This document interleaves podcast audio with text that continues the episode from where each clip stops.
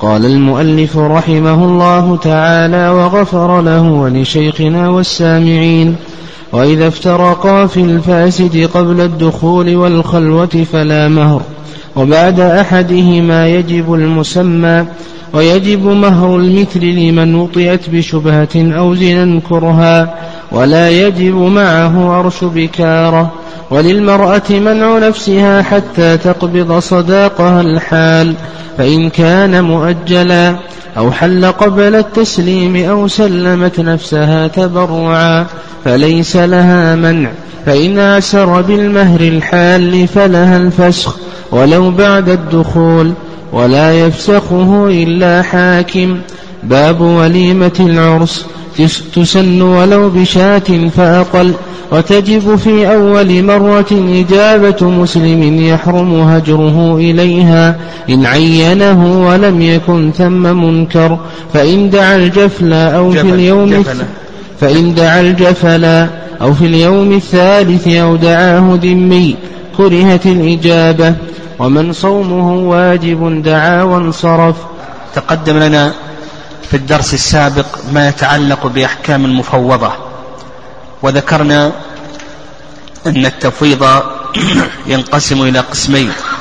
القسم الأول تفويض البضع والقسم الثاني تفويض المهر.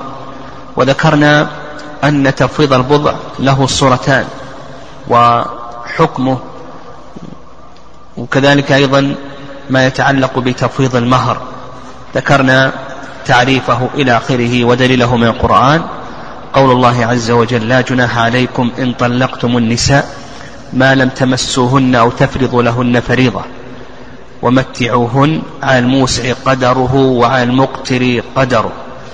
وأيضا حيث مسعود في السنن أنه سئل عن امرأة توفي عنها زوجها ولم يفرض لها الصداقة فقال عليها العدة وترث ولها مهر نسائها. فقال معقل بن السنان أشجعي فقال أشهد أن رسول الله صلى الله عليه وسلم قضى في بروة بنت واشق امرأة منا بمثل ما قضيت. وسبق لنا تكلمنا عن الصداق متى يتنصف المسمى ومتى يسقط المسمى. وكذلك أيضا إذا حصلت الفرقة من قبل الزوج في باب التفويض ما الذي يجب للمرأة؟ وإذا حصلت الفرقة من قبل المرأة ومتى يتقرر الصداق إلى آخره؟ هذه جملة من الأقسام. سبق أن تكلمنا عليها وذكرنا كلام أهل العلم حولها وأدلتهم في هذه المسائل. قال رحمه الله في درس اليوم وإذا افترقا في الفاسد قبل الدخول والخلوة فلا مهر. يقول المؤلف رحمه الله إذا افترقا في الفاسد يعني في النكاح الفاسد. والنكاح الفاسد هو ما اختل شرط من شروط صحته. وسبق أن ذكرنا أن فقهاء الحنابلة رحمهم الله لا يفرقون بين الفاسد والباطل. الفاسد هو الباطل عندهم إلا في موضعين. الموضع الأول في الحج. فالفاسد من هو ما هو الفاسد؟ ما حصل فيه الوطء قبل التحلل الأول. وأما الباطل ما ارتد فيه. والموضع الثاني في كتاب النكاح. الفاسد ما اختلف العلماء في فساده كالنكاح بلا ولي أو النكاح بلا شهادة ونحو ذلك. والباطل ما أجمع العلماء على بطلانه كنكاح المرأة في عدتها وكنكاح الخامسة إلى آخره. المهم إذا افترق الزوجان في النكاح الفاسد. والنكاح الفاسد كما سلف هو ما اختلف العلماء رحمهم الله في فساده لاختلال شرط من شروط صحته كالنكاح بلا ولي كالنكاح بلا شهادة أو كنكاح بلا رضا إلى آخره. هذه من الأنكحة الفاسدة. فإذا افترق الزوجان في النكاح الفاسد ما ما الحكم فيما يتعلق بالمهر؟ نقول بأن هذا لا يخلو من أمرين. الأمر الأول أن يكون ذلك قبل الدخول قال لك المؤلف قبل الدخول والخلوة أو نقول قبل ماذا؟ قبل ما يقرر الصداق. سبق لنا أن الصداق يتقرر في مواضع. فإذا افترق قبل الدخول أو الخلوة يعني قبل ما يقرر الصداق من دخول أو خلوة أو كما قال الإمام أحمد رحمه الله إذا استحل منها ما لا يحل غيره فلا مهر لها لأن الفاسد وجوده كعدمه الفاسد وجوده كعدمه. القسم الثاني أن يفترق في النكاح الفاسد بعد ما يقرر الصداق كأن يحصل دخول وط بين الزوجين ثم يتبين أنه فاسد ثم يفرق بينهما أو يحصل خلوة. ونحو ذلك. قال المؤلف وبعد أحدهما أي بعد الدخول أو الخلوة قال يجب المسمى. نعم يجب المسمى. وهذا هو المشهور مذهب الإمام أحمد رحمه الله. وعند الحنفية يجب مهر المثل والرأي الثالث رأي المالكية. نعم رأي المالكية يقولون إن كان هناك مسمى وجب المسمى فإن لم يكن مسمى فيجب مهر المثل. ويستدلون على هذا بحديث عائشة رضي الله تعالى عنها في سنن أبي داود أن النبي صلى الله عليه وسلم قال ولها المهر بما استحل من فرجها. فما دام أنه استحل من فرجها فنقول بأن لها المهر وهما يعتقدان يعني يعتقدان صحة هذا النكاح وأن هذا النكاح صحيح فلها المهر بما استحل من فرجها. والصواب في هذه المسألة أنه إذا حصل الدخول يعني وط فإنه يجب لها المهر. يعني يجب لها كان هناك مسمى وجب المسمى. إذا لم يكن هناك مسمى فإنه يجب مهر المثل كما ذكر المالكية رحمهم الله تعالى. ودليل ذلك ما سلف من حديث عائشة رضي الله تعالى عنها أن النبي صلى الله عليه وسلم قال ولها المهر بما استحل من فرجها. وقول المؤلف رحمه الله تعالى قبل الدخول والخلوة يعني صريح كلام المؤلف أنه لا يفرق بين الدخول أو الخلوة. وأنه إذا دخل بها فيجب المسمى. كذلك أيضا لو خلا بها فإنه يجب المسمى. والأقرب في هذه المسألة والله أعلم أنه يفرق بين الدخول والخلوة. صحيح إذا دخل بها النبي صلى الله عليه وسلم نص على هذه المسألة. قال ولها المهر بما استحل من فرجها فإذا دخل يجب المهر المسمى إن كان هناك مسمى. إلا إذا لم يكن مسمى فيجب مهر المثل. إذا لم يدخل وإنما حصلت خلوة إلى آخره فالذي يظهر والله أعلم ما دام أن النكاح فاسد فإنه لا يجب فيه شيء. لكن يجب كما سلف المسمى إن حصل وط إذا لم يحصل وط فيظهر والله أعلم أنه لا يجب شيء. قال رحمه الله ويجب مهر المثل لمن وطئت بشبهة. يقول المؤلف يجب مهر المثل لمن وطئت بشبهة. فلو أن شخصا وطئ امرأة يظنها زوجته أتى إلى بيته فوجد امرأة في فراشه فوطئها يظنها زوجته ثم تبين أنها ليست زوجة له. يقول المؤلف رحمه الله يجب لها مهر المثل. كم تمهر نساء هذه المرأة؟ يعني, يعني من يماثل هذه المرأة من نسائها؟ كم تمهر؟ من أخواتها وأمهاتها وعماتها وخالاتها إلى آخره.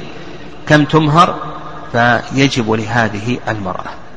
ودليلهم على ذلك ما سلف من حديث عائشة رضي الله تعالى عنها أن النبي صلى الله عليه وسلم قال أن النبي عليه الصلاة والسلام قال ولها المهر بما استحل من فرجها. وهذا قول أكثر أهل العلم أنه يجب لها مهر المثل. والرأي الثاني أنه لا يجب شيء. وهذا ظاهر كلام شيخ الإسلام تيمية رحمه الله تعالى فإن شيخ الإسلام قال إن البضع إنما يتقوم على زوج أو شبهه. يعني شبه الزوج شبه الزوج إنما يتقوم على زوج أو شبهه يعني شبه الزوج. وهنا ليس زوجا هذا الذي وطئ لم يطأ على أنها زوجة له. فيظهر والله أعلم أنه لا يجب شيء هنا. وهو يعتقد الحلم. نعم إذا كان هناك إتلاف يعني إذا كان هناك إتلاف كما لو كانت بكرا إلى آخره فهنا يجب أرش البكارة. لكن إذا لم يكن هناك إتلاف فيظهر والله أعلم كيف نلزمه بمهر المثل. قد يكون مهر المثل يساوي عشرة ألاف وهو يعتقد أنها مباحة له أنها زوجة له. فيظهر والله أعلم أنه إذا وطئها بشبهة أنه لا لا شيء والله أعلم. قال أو زنا كرها. الزانية هل يجب لها مهر أو نعم إذا حصل الزنا كرها أو لا يجب. الزاني هذه لا تخلو من أمرين. الأمر الأول أن تكون مطاوعة. فإذا كانت مطاوعة فإنه لا يحل لها أن تأخذ شيئا. ويدل ذلك حديث رافع بن خديج رضي الله تعالى عنه في مسند الإمام أحمد والسنن أن النبي صلى الله عليه وسلم قال مهر البغي خبيث وما دام أنه خبيث فإنه لا يجوز لها أن تأخذ شيئا. فإذا كانت مطاوعة فإنه لا شيء لها. وإن دفع الواطئ لها شيئا فإنها لا تستحل هذا الشيء وإنما يتصدق به في وجوه البر ولا يرد على الواطئ لئلا يجمع له بين العوض والمعوض. الحالة الثانية أن تكون مكرهة على الزنا. فقال لك المؤلف رحمه الله إذا كانت مكرهة على الزنا قال يجب لها مهر المثل. وهذا هو المشهور من مذهب الإمام أحمد وهو قول أكثر أهل العلم. حتى إذا كانت مكرهة أكرهها على الزنا فإنه يجب لها مهر المثل. ودليل ذلك ما تقدم من حديث عائشة ولها المهر بما استحل من فرجها. والرأي الثاني وهو رواية عن الإمام أحمد رحمه الله به قال أبو حنيفة واختاره شيخ الإسلام أنه لا يجب لها شيء حتى وإن كانت مكرهة. بقول النبي صلى الله عليه وسلم مهر البغي خبيث وما دام أنه خبيث فنقول بأنها لا تستحق هذا المهر الخبيث. وعلى هذا على هذا كما سلف نقول إذا كانت مكرهة فإنه يؤخذ من الزوج ولا يترك للزوج لئلا يجمع للزوج بين العوض والمعوض فيؤخذ ويتصدق به في وجوه البر أو يوضع في بيت المال.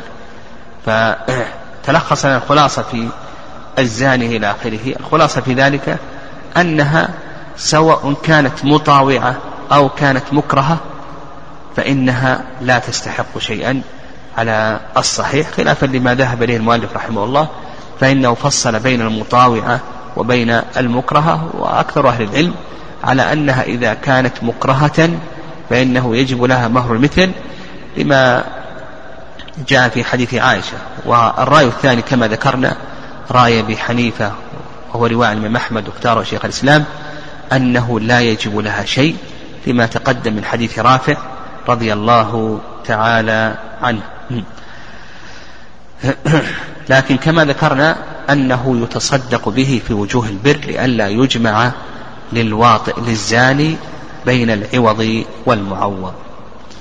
واستثنى شيخ الإسلام تيمية رحمه الله تعالى قال لك إيه شيخ الإسلام إيه إذا كانت بكرا إذا كانت الأمة بكرا فإنه يجب لها أرش البكارة. يعني يجب لها أرش البكارة لأن آه، لأن الوجوب هنا مقابل ما حصل من الإتلاف. يعني مقابل ما حصل من الإتلاف. قال رحمه الله تعالى ولا يجب معه أرش بكارة. نعم. لكون أرش البكارة دخل في مهر المثل وهو يقول المؤلف رحمه الله إذا كانت مكرهة يجب لها مهر المثل ولا يجب أرش البكارة لكون أرش البكارة دخل في أي شيء في مهر المثل. يعني فلا حاجة إلى أن يجب مرة أخرى لأنه سيعتبر ببكر مثلها. مهر المثل يعني من يماثلها من نسائها سيعتبر ببكر مثلها فلا يجب أرش البكارة مرة أخرى.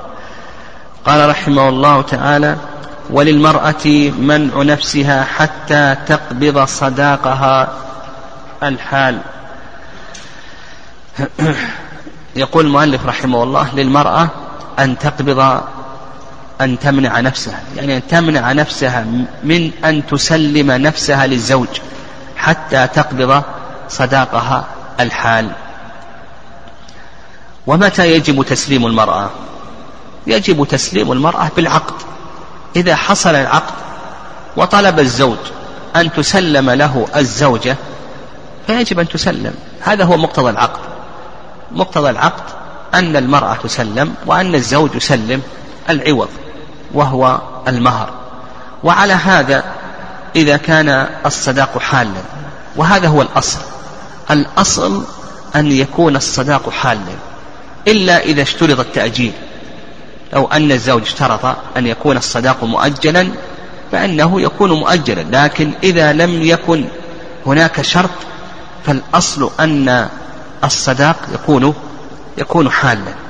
وعلى هذا إذا طلب الزوج أن تسلم إليه المرأة يقال له لا بد أن تسلم ماذا؟ أن تسلم العوض. وهذه المسألة كما سلف يبنونه على مسألة تقدمت لنا في أول كتاب النكاح وهي ما هو مورد عقد النكاح؟ نعم. وأنهم يقولون بأن مورد عقد النكاح ما هو؟ نعم. الاستمتاع. نعم أنه الاستمتاع. يعني العقد يكون على منفعة يكون على منفعة البضع يكون على منفعة البضع. وهذا المشهور من المذهب.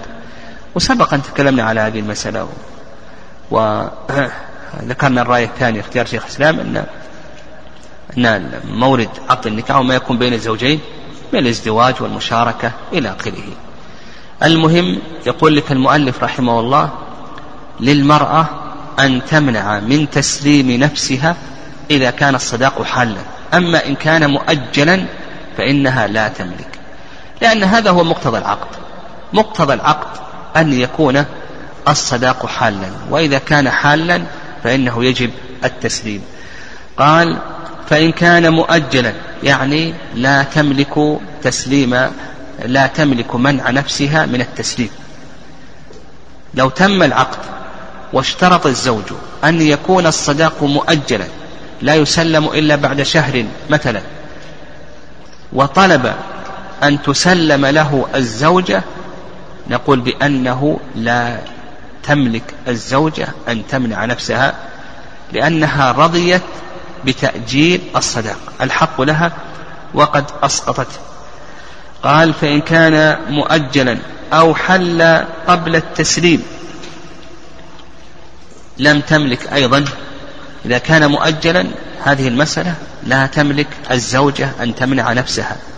كذلك أيضا إذا حل قبل التسليم. ولنفرض أن الصداقة كان مؤجلا إلى شهر. الزوج لم يتسلم المرأة. مضى شهر حل الصداق حل الصداق. فطلب الزوج أن تسلم له المرأة. هل تملك المرأة أن تمنع نفسها أو لا تملك أن تمنع نفسها؟ ها؟ يقول لك المؤلف رحمه الله تعالى لا تملك أن تمنع نفسها. لأنها رضيت بأن يكون الصداق مؤجلا. فيقول لك هي رضيت الآن بتأخيره فلا تملك منع نفسها. والوجه الثاني في المذهب أن أنها تملك منع نفسها لأنه الآن أصبح حالا. صحيح لما كان مؤجلا لا تملك أما الآن انتهى التأجيل فيجب عليه أن يسلمه. وهذا القول هو الأقرب. يعني هذا القول هو الأقرب الصواب أنها تملك منع نفسها. قال أو سلمت نفسها تبرعا فليس لها منع نفسها. فليس لها منع يعني أن تمنع نفسها.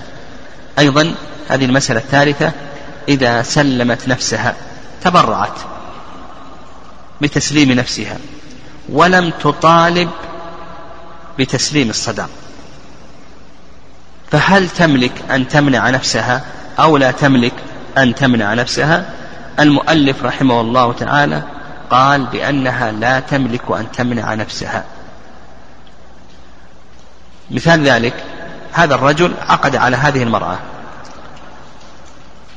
والصداق لم يشترط تأجيله. المرأة سلمت نفسها. مضى يوم فهل لها أن تمنع نفسها من الزوج حتى يعطيها الصداق؟ أو أنها لا تملك أن تمنع نفسها. قال لك المؤلف رحمه الله لا تملك أن تمنع نفسها. لماذا؟ لأنها رضيت بتسليم نفسها دون أن تقبض الصداق. ما دام أنها رضيت بتسليم نفسها دون أن أن تأخذ الصداق فليس لها أن تمنع نفسها. وهذا هو المشهور مذهب الإمام أحمد رحمه الله. به أيضا قال الإمام مالك والشافعي والرأي الثاني رأي أبي حنيفة رحمه الله أنها تملك منع نفسها. يعني أنها تملك منع نفسها. وهذا القول هو الأقرب والله أعلم. نعم أنها تملك أن تمنع نفسها وكونها تبرعت وأحسنت هل جزاء الإحسان إلا الإحسان مع المحسنين من سبيل؟ يعني فكونها سلمت نفسها أولا لا يقضي ذلك بأن أن تكون مجازاتها أن تمنع من تسلم الصداق أو أن تمنع من أن تمنع نفسها حتى تأخذ صداقها. فالأقرب والله أعلم في هذه المسألة ما ذهب إليه أبو حنيفة رحمه الله وأنها إذا سلمت نفسها تبرعا فإنها لا أنها تملك أن تمنع نفسها لأن الأصل في الصداق أن يكون حالا وهي أحسنت في كونها سلمت نفسها ومع المحسنين من سبيل. قال المؤلف رحمه الله فإن أعسر بالمهر الحال فلها الفسخ ولو بعد الدخول. يقول المؤلف رحمه الله إذا أعسر بالمهر الحال يعني لو أن الزوج افتقر وأصبح لا يتمكن من المهر. ولنفرض أن المهر ألف ريال وتم العقد يعني تم العقد إلى آخره. فأعسر بالمهر. المرأة تطالبه بالمهر لا يتمكن من المهر. هل للمرأة حق في فسخ العقد؟ أو ليس لها حق في فسخ العقد. يقول المؤلف رحمه الله تعالى بأن المرأة لها حق في فسخ العقد حتى ولو كان بعد الدخول.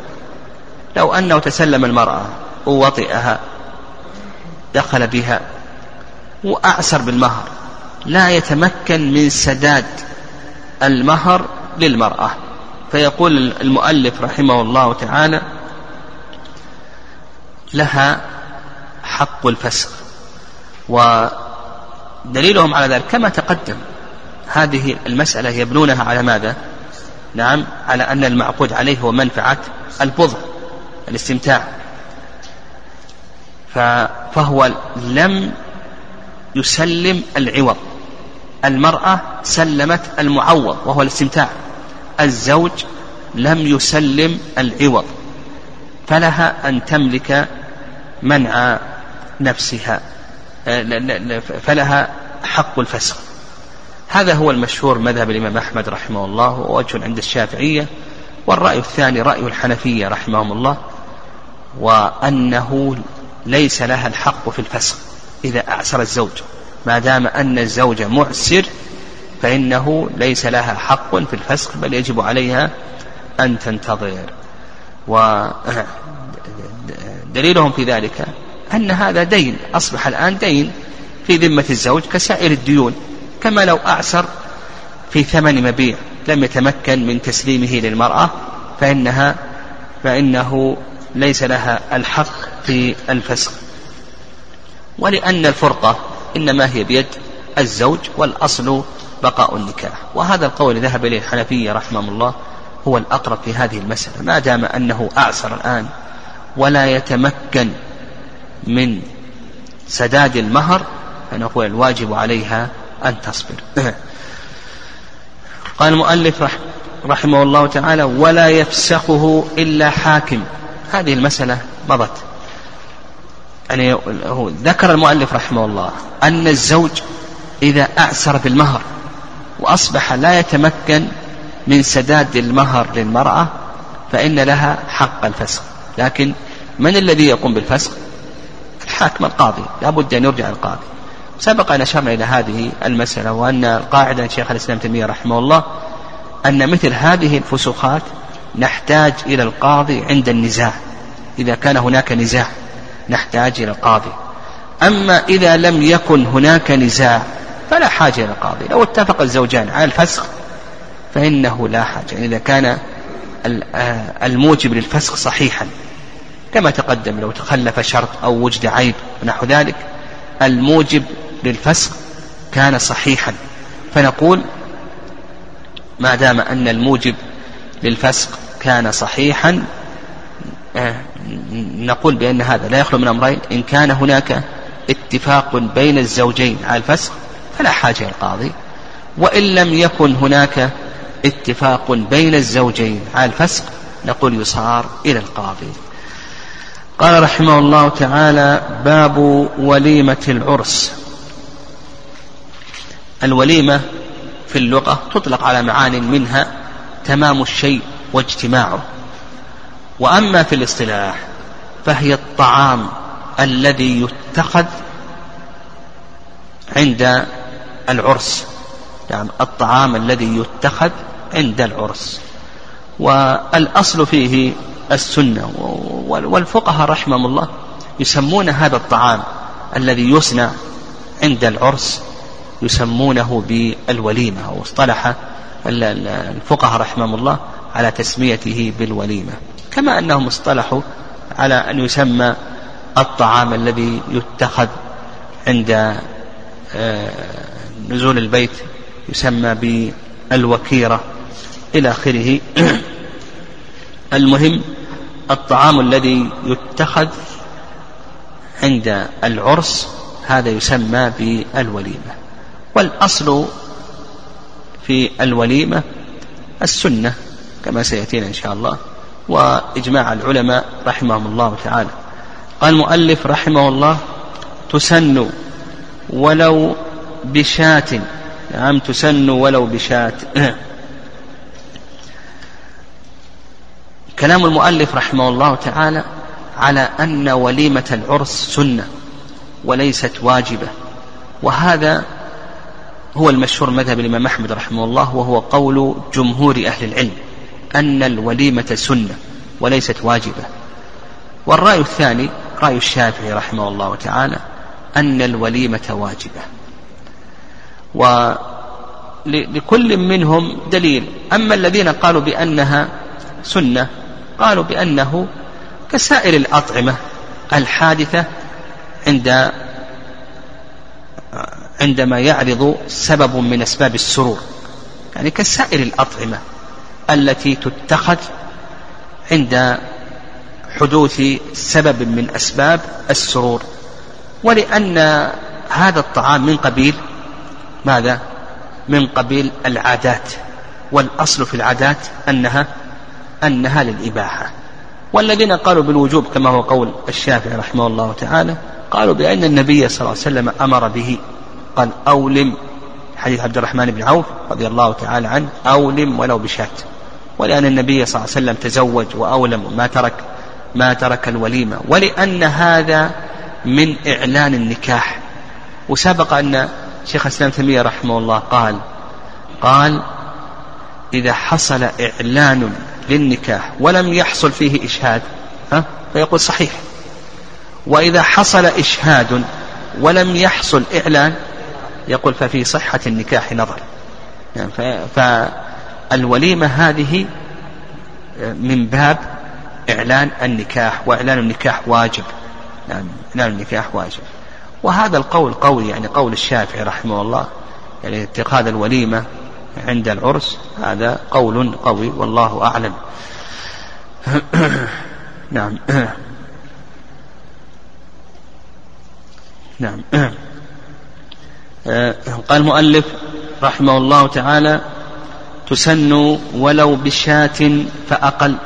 يعني يقول لك المؤلف رحمه الله السنة أن تكون الوليمة بشاة. هذا هو السنة. أن تكون الوليمة بشاة فأقل. هذا هو السنة. يعني آه، السنة أن تكون بشاة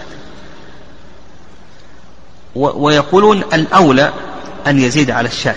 يعني السنة أن تكون بشاة ولا يسن أن تنقص عن الشاة. وإن زاد على الشاة يقولون هذا هو الأولى.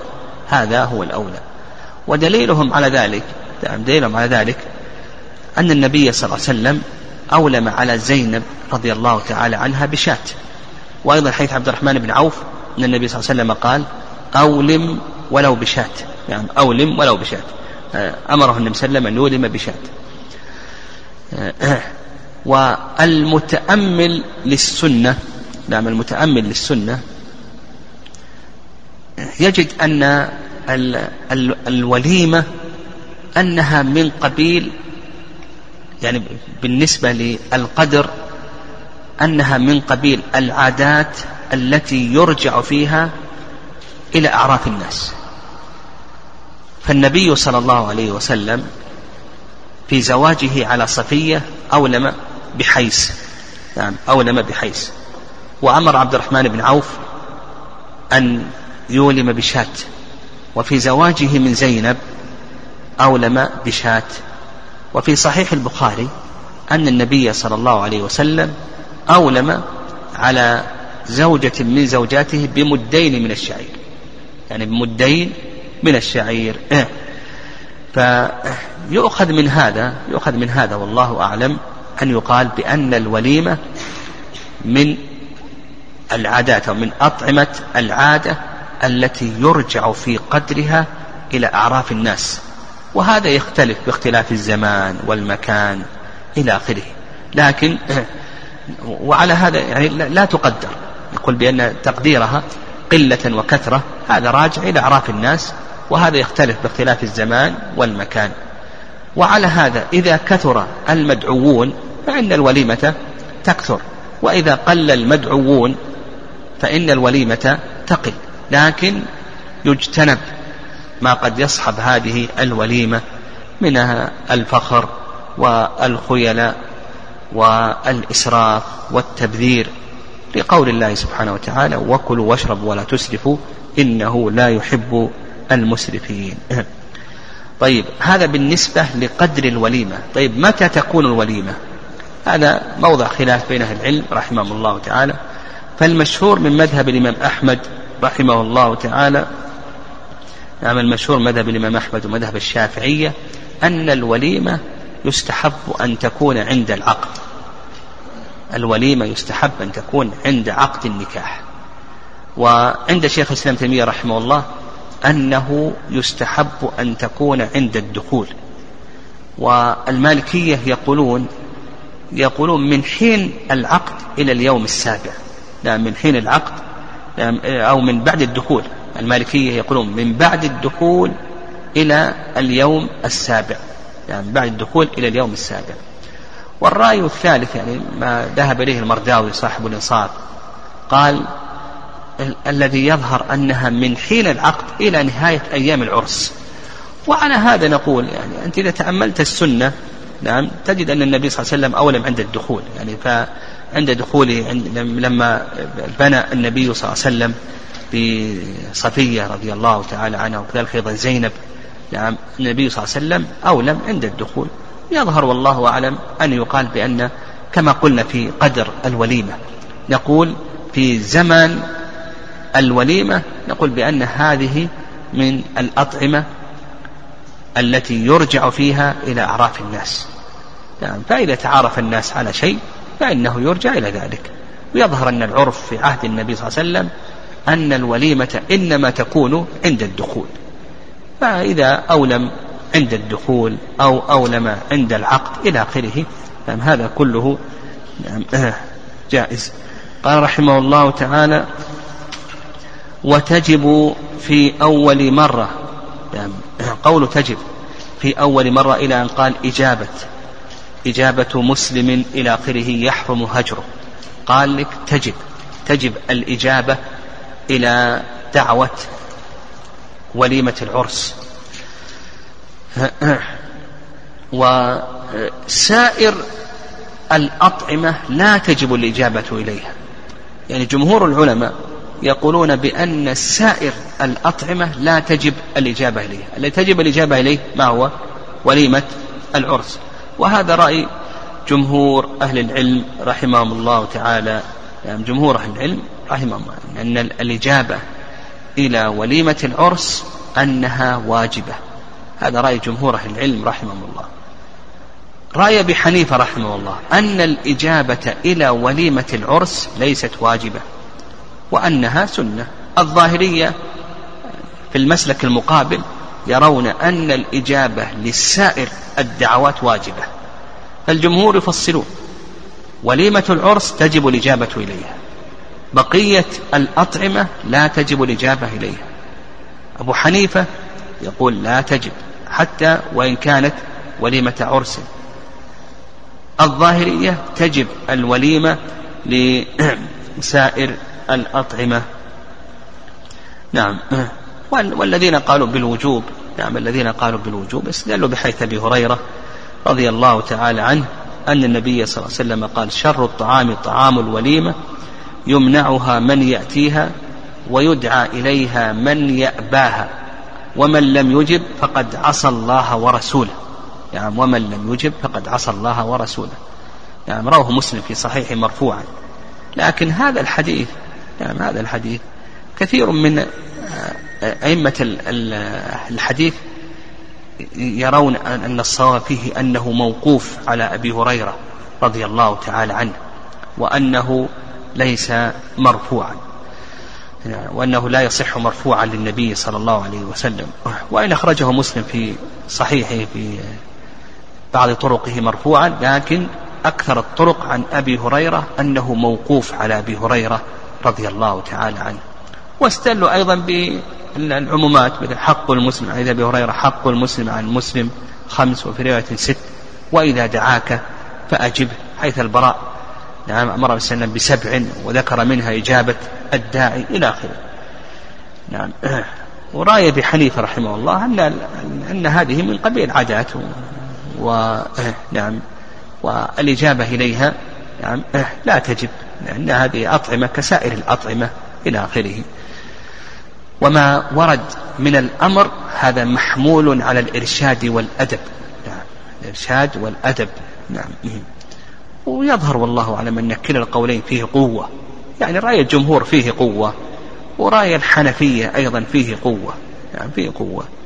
والجمهور مع أنهم قالوا بالوجوب إلا أنهم اشترطوا لذلك شروطا كثيرة للوجوب. الأحوط نعم الأحوط أن يجيب هذه الدعوة. لكن التأثيم يعني كون نحكم عليه بأنه آثم ونحو ذلك إلى آخره. لأنك إذا تأملت الشروط التي يذكرها جماهير العلماء يعني الشافعية تجد أنهم يذكرون شروطا والحنفية والمالكية يذكرون شروطا والحنابلة إلى آخره. كما ذكر المؤلف رحمه الله قال تجب في أول مرة هذا الشرط الأول يعني شروط الوجوب أنه يجب تجب الإجابة في أول مرة.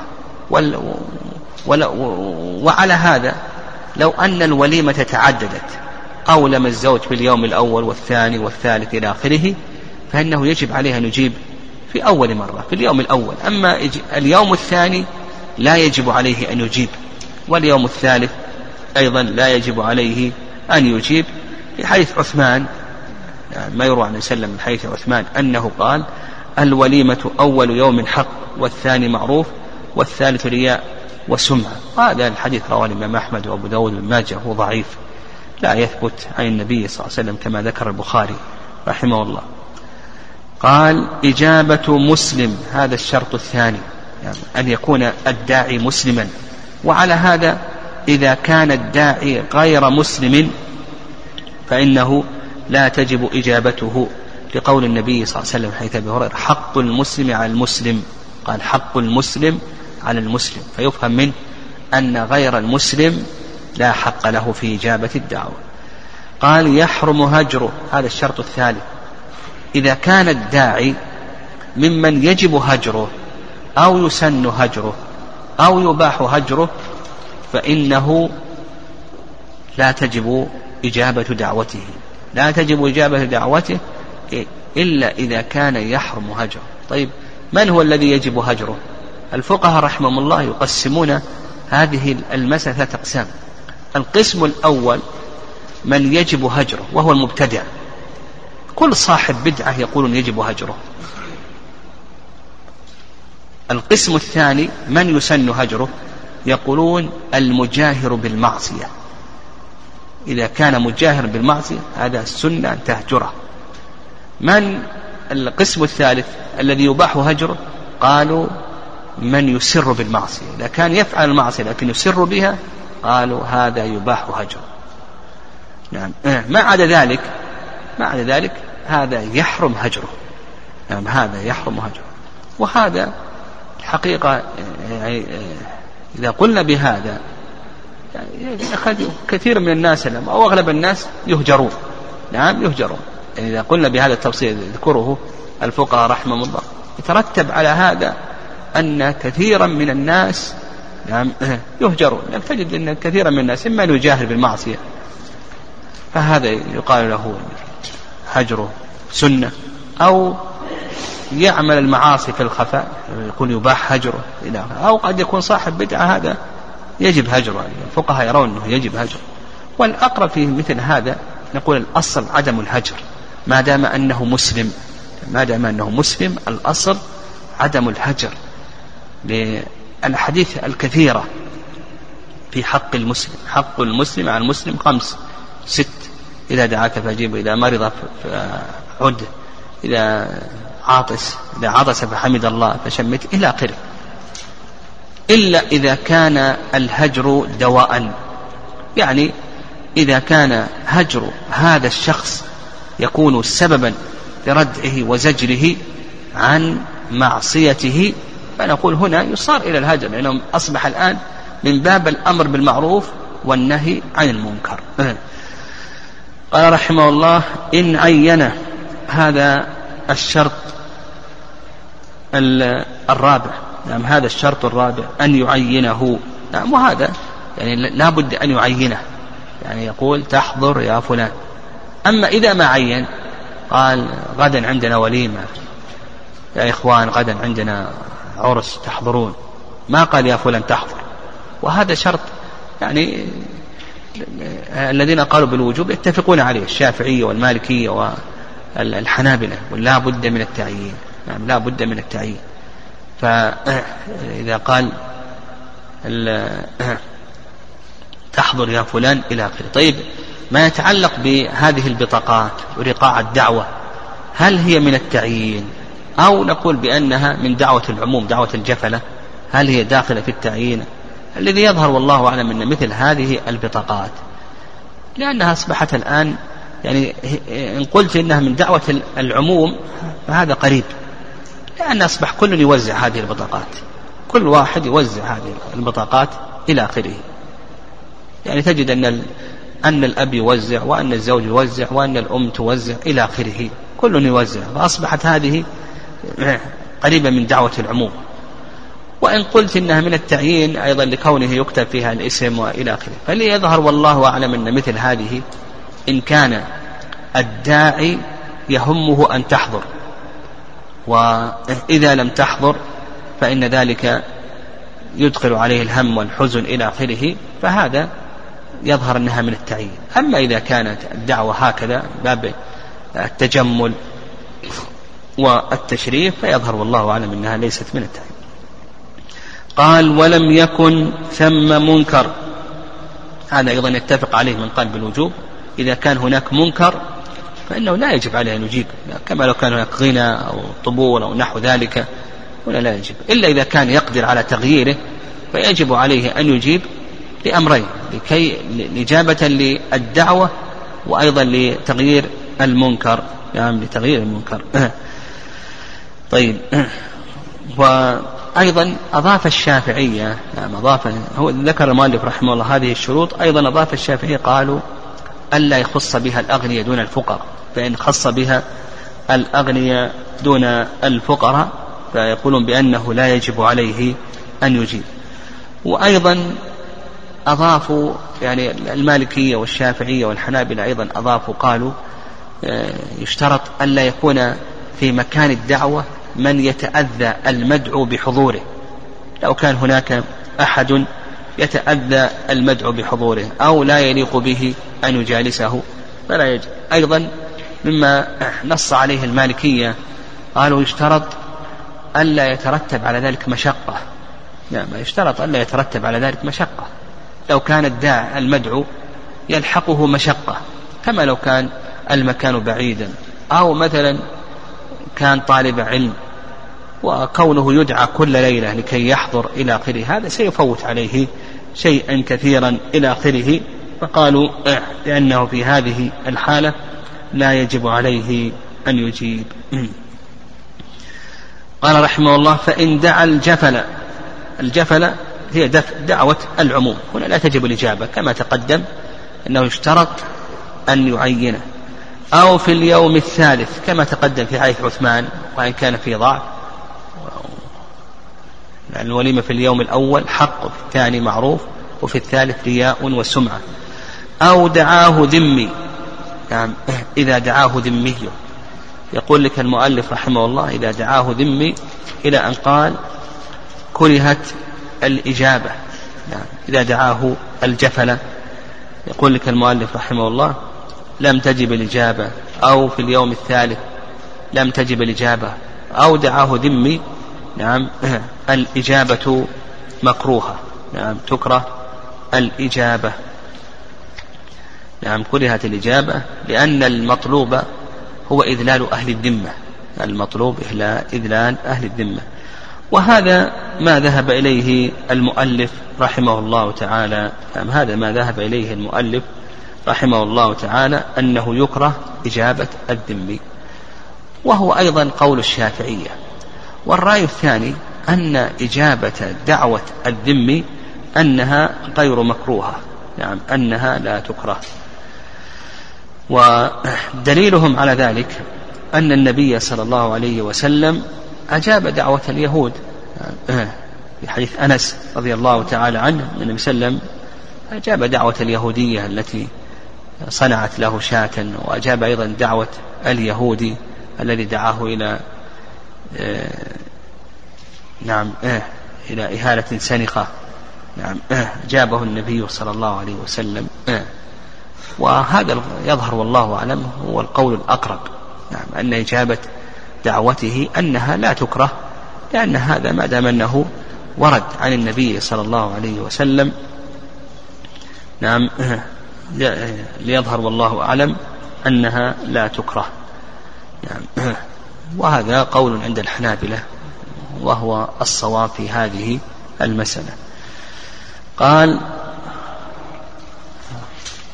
كرهت الإجابة ومن صومه واجب دعا وانصرف. طيب. أيضا يشترط العلماء رحمهم الله أيضا من شروط آه، وجوب الإجابة. ألا يكون في ماله حرام يعني الداعي نعم الداعي ألا يكون في ماله حرام. فإن كان في ماله حرام فهذا اختلف العلماء رحمه الله في إجابة دعوته. كما لو كان يتعامل بالربا أو نحو ذلك فهل يجاب أو لا يجاب؟ العلماء رحمه الله لهم في ذلك أقوال. القول الأول أن إجابة دعوته محرمة ولا تجوز.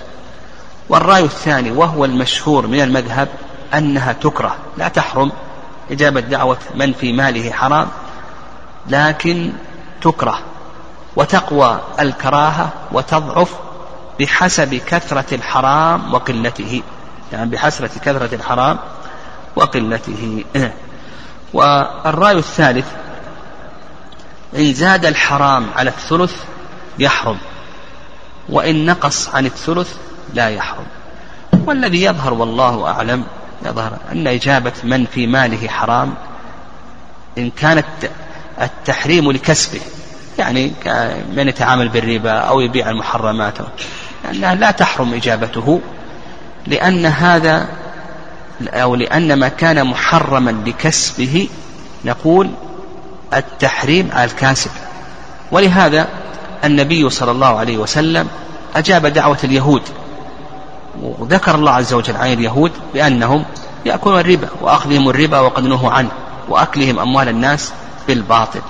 فيظهر والله أعلم أنه لا تجب أنه يظهر والله أعلم أنه لا يحرم إجابة من كسبه حرام. اللهم إلا إذا كان نعم يستثنى من ذلك. إذا كان عدم إجابة دعوته من باب الردع والزجر له.